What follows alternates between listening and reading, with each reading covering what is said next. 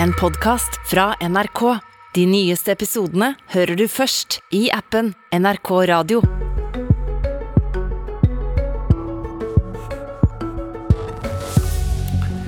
Jeg trenger ammunisjon, ikke en kjøretur, sa den ukrainske presidenten da amerikanerne tilbød å evakuere han. Og i løpet av helga har nøytrale Sverige bestemt seg for å sende panservernvåpen. Tyskland forlot sin tradisjon med våpeneksportforbud og sender raketter. EU sender kampfly. Og vi sender hjelmer og vester. Men kanskje kan det være noen gode argument for å ikke sende våpen, uansett hvor mye vi nå vil hjelpe. Det er dagens tema i Politisk kvarter, og la oss aller først høre den ukrainske bønna. Slik formulerte utenriksministeren Dmytro Koleba seg i går. I urge all countries to provide Ukraine with more weapons, ammunition, supplies, equipment, and fuel. We need weapons to fight, to defend our country. We specifically need anti tank, anti air, anti missile weapons. Every hour counts. It's a matter of how many lives will be saved. Han ber alle land forsyne Ukraina med våpen og utstyr fordi det trengs for å forsvare landet.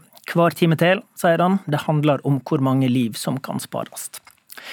I går offentliggjorde den norske regjeringa at den vil sende militært utstyr, men altså ikke våpen.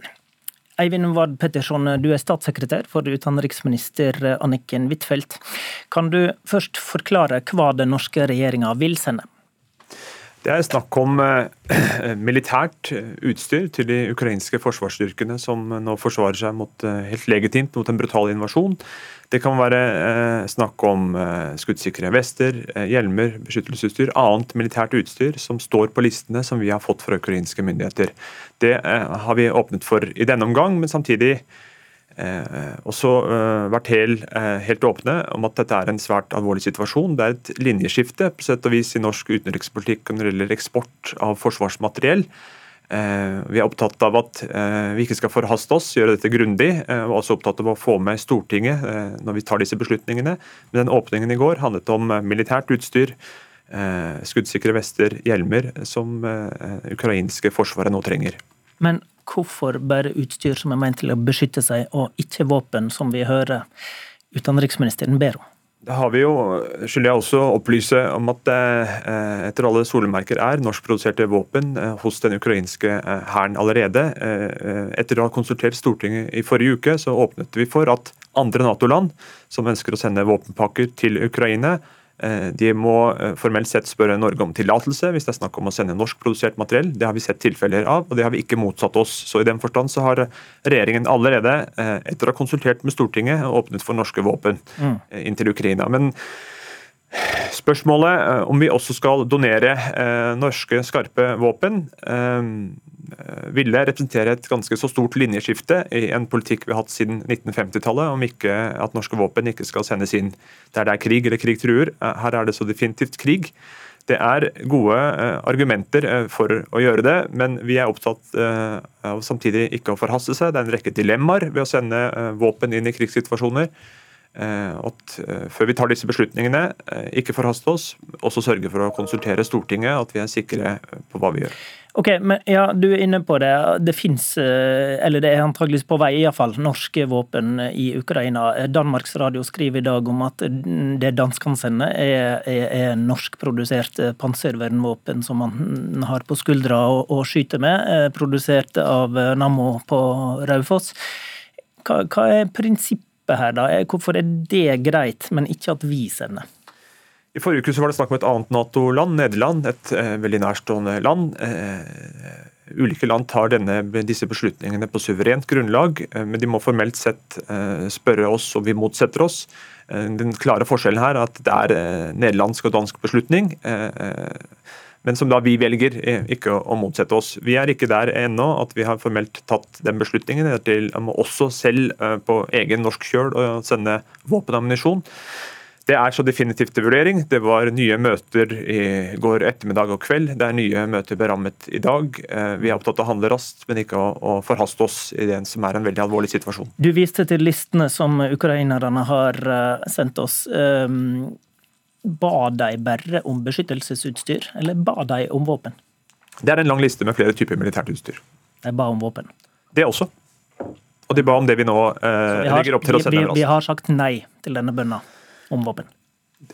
Den eh, tydelige beskjeden fra ukrainske myndigheter er at de trenger en lang rekke ting for å forsvare seg. Eh, eh, realiteten, eh, som er brutal nå på bakken i Ukraina, er at eh, alle voksne menn eh, egentlig har et reelt forbud mot å forlate landet. Det er forventet at de tar til våpen og bekjemper invasjonen.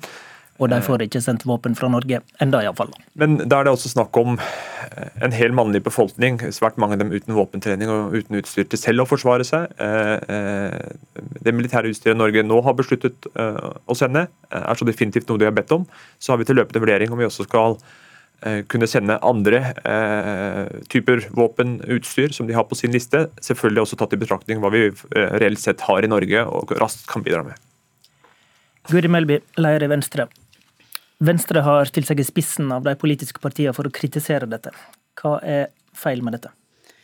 Det Venstre har gjort, er å være tydelig på hva vi mener. Eh, og statssekretæren var jo sjøl inne på at det her med å sende eh, militært materiell til et land i krig, det er et linjeskifte. Eh, og Det er også et linjeskifte som krever tilslutning fra Stortinget. Derfor så mener vi det er viktig at partiene på Stortinget avklarer sine standpunkt. Det var det Venstre gjorde i går. Vi avholdt et landsstyremøte eh, der vi diskuterte nettopp denne saken. Vi er jo et parti som tradisjonelt har en veldig streng linje når det gjelder våpeneksport. Så jeg så behov for å ta en diskusjon, slik at vi var rede dersom regjeringa skulle komme til oss med en forespørsel om vi ville støtte i linje med å eksportere våpen til Ukraina. Hvorfor mener du det er tid for et linjeskifte, da? Altså, det er jo ingen tvil om at dette er veldig vanskelige vurderinger. Det finnes åpenbart argumenter mot å sende våpen, men det er også mange argumenter for. Ukraina er nå et land som er under invasjon fra Russland. Vi ser nå at myndighetene ber egne innbyggere om å lage molotov-cocktails, altså det er vel kanskje det fremste symbolet på at man griper til omtrent hva som helst for å forsvare seg. Når de da har sendt en henvendelse til Norge og en lang rekke andre land om at de trenger våpen, så mener jeg at i den situasjonen vi står i nå, så er det ikke noe annet valg enn å si ja til det. Norge har våpen som Ukraina har bedt om. Eh, og en lang rekke andre land har nå sagt ja til en sånn henvendelse. og Da mener jeg også at Norge burde stille seg i den rekken og si ja til det.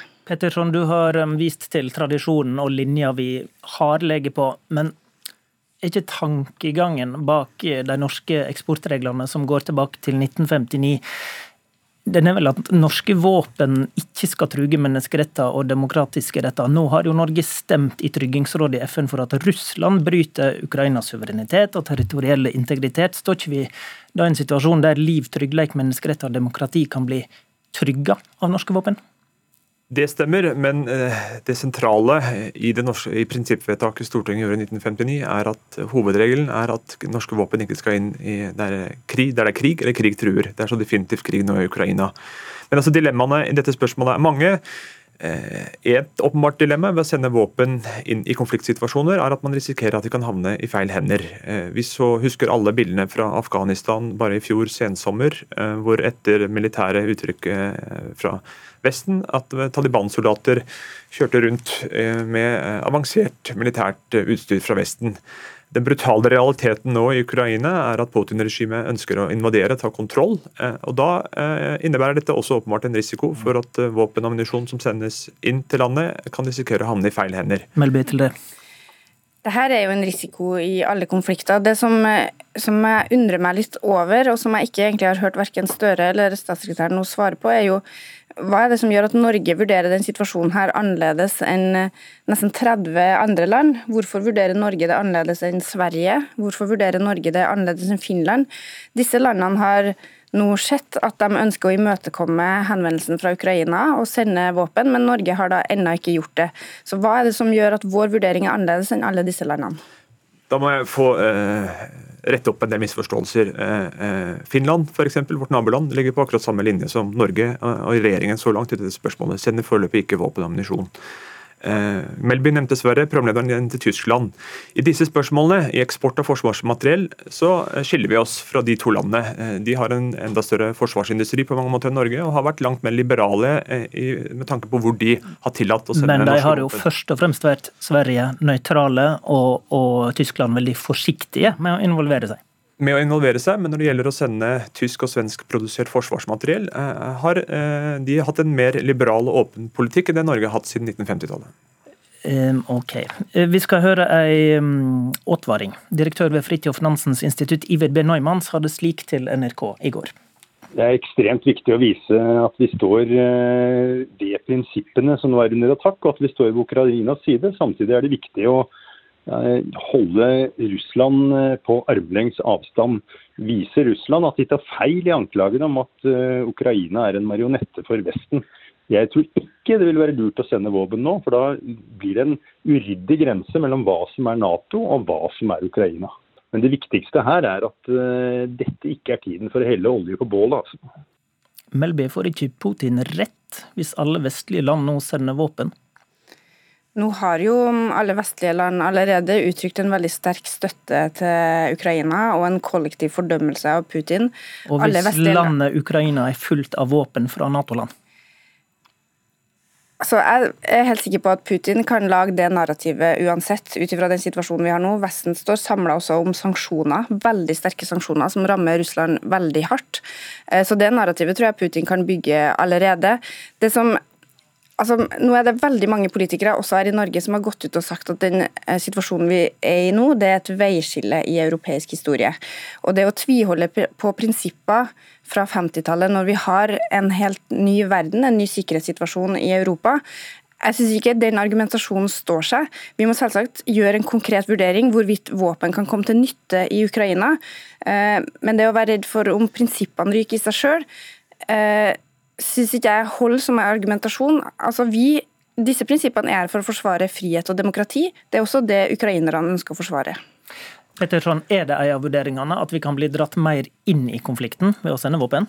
Det er eh, vanskelige spørsmål med mange dilemmaer. Eh, vi har vært innom noen av dem her nå. Men jeg vil bare understreke at det er overhodet ikke snakk om å tviholde på prinsipper. Det er snakk om at når vi har hatt en klar norsk linje i norsk utenrikspolitikk i 60-70 år, så tar vi ikke lett på å endre det eh, fra regjeringens side. Eh, det ble avholdt møter mellom Stortinget eh, og regjeringen i går. Det ble rammet nye møter i dag.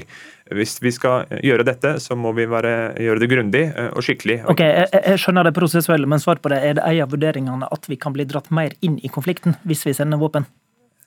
Da tror jeg Melby har et godt poeng. at På sett og vis vil Putin-regimet eh, kunne eh, bruke nesten hva som helst nesten av argumenter for å vise at det er vest de kjemper mot.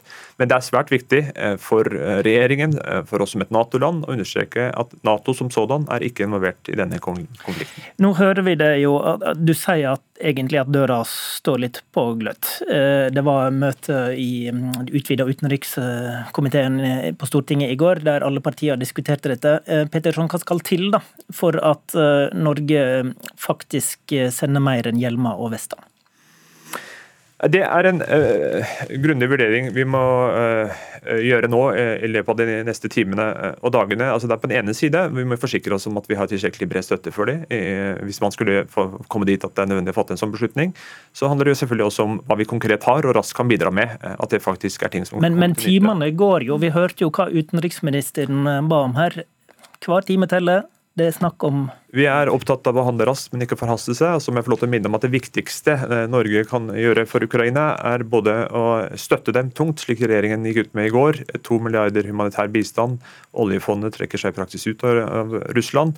Eh, og arbeider intenst nå i FN og i Sikkerhetsrådet, hvor Norge er medlem, for å sørge for å fortsettelse fordømmelsene av Russland der. men også åpning inn for faktisk å drive humanitær nødhjelp til sivilbefolkninga som nå lider i Ukraina. Gårsdagen var mange steg i riktig retning. Det å trekke oljefondet ut av russiske investeringer var ett av dem. Det å åpne for eksport av B-materiell var et annet. Men det er fortsatt mer enn Norge kan gjøre for Ukraina. Vi har ennå ikke bevilga penger heller til at Ukraina kan kjøpe våpen. Det har nå EU-landene gått sammen om i et fond. Det mener vi at regjeringa bør gjøre. Og så mener vi at vi bør ha et tydelig vedtak om at det også er mulig å eksportere A-materiell, hvis det er det som skal bidra til å hjelpe Ukraina i den svært vanskelige situasjonen de er i. A-materiell det er da våpen og ammunisjon, for å forklare språket vi bruker i saker som denne. Takk til Guri Melby. Takk til Eivind Ward Petterson, statssekretær i Utenriksdepartementet. Programleder i Politisk kvarter i dag var Håvard Grønli. En podkast fra NRK. De nyeste episodene hører du først i appen NRK Radio.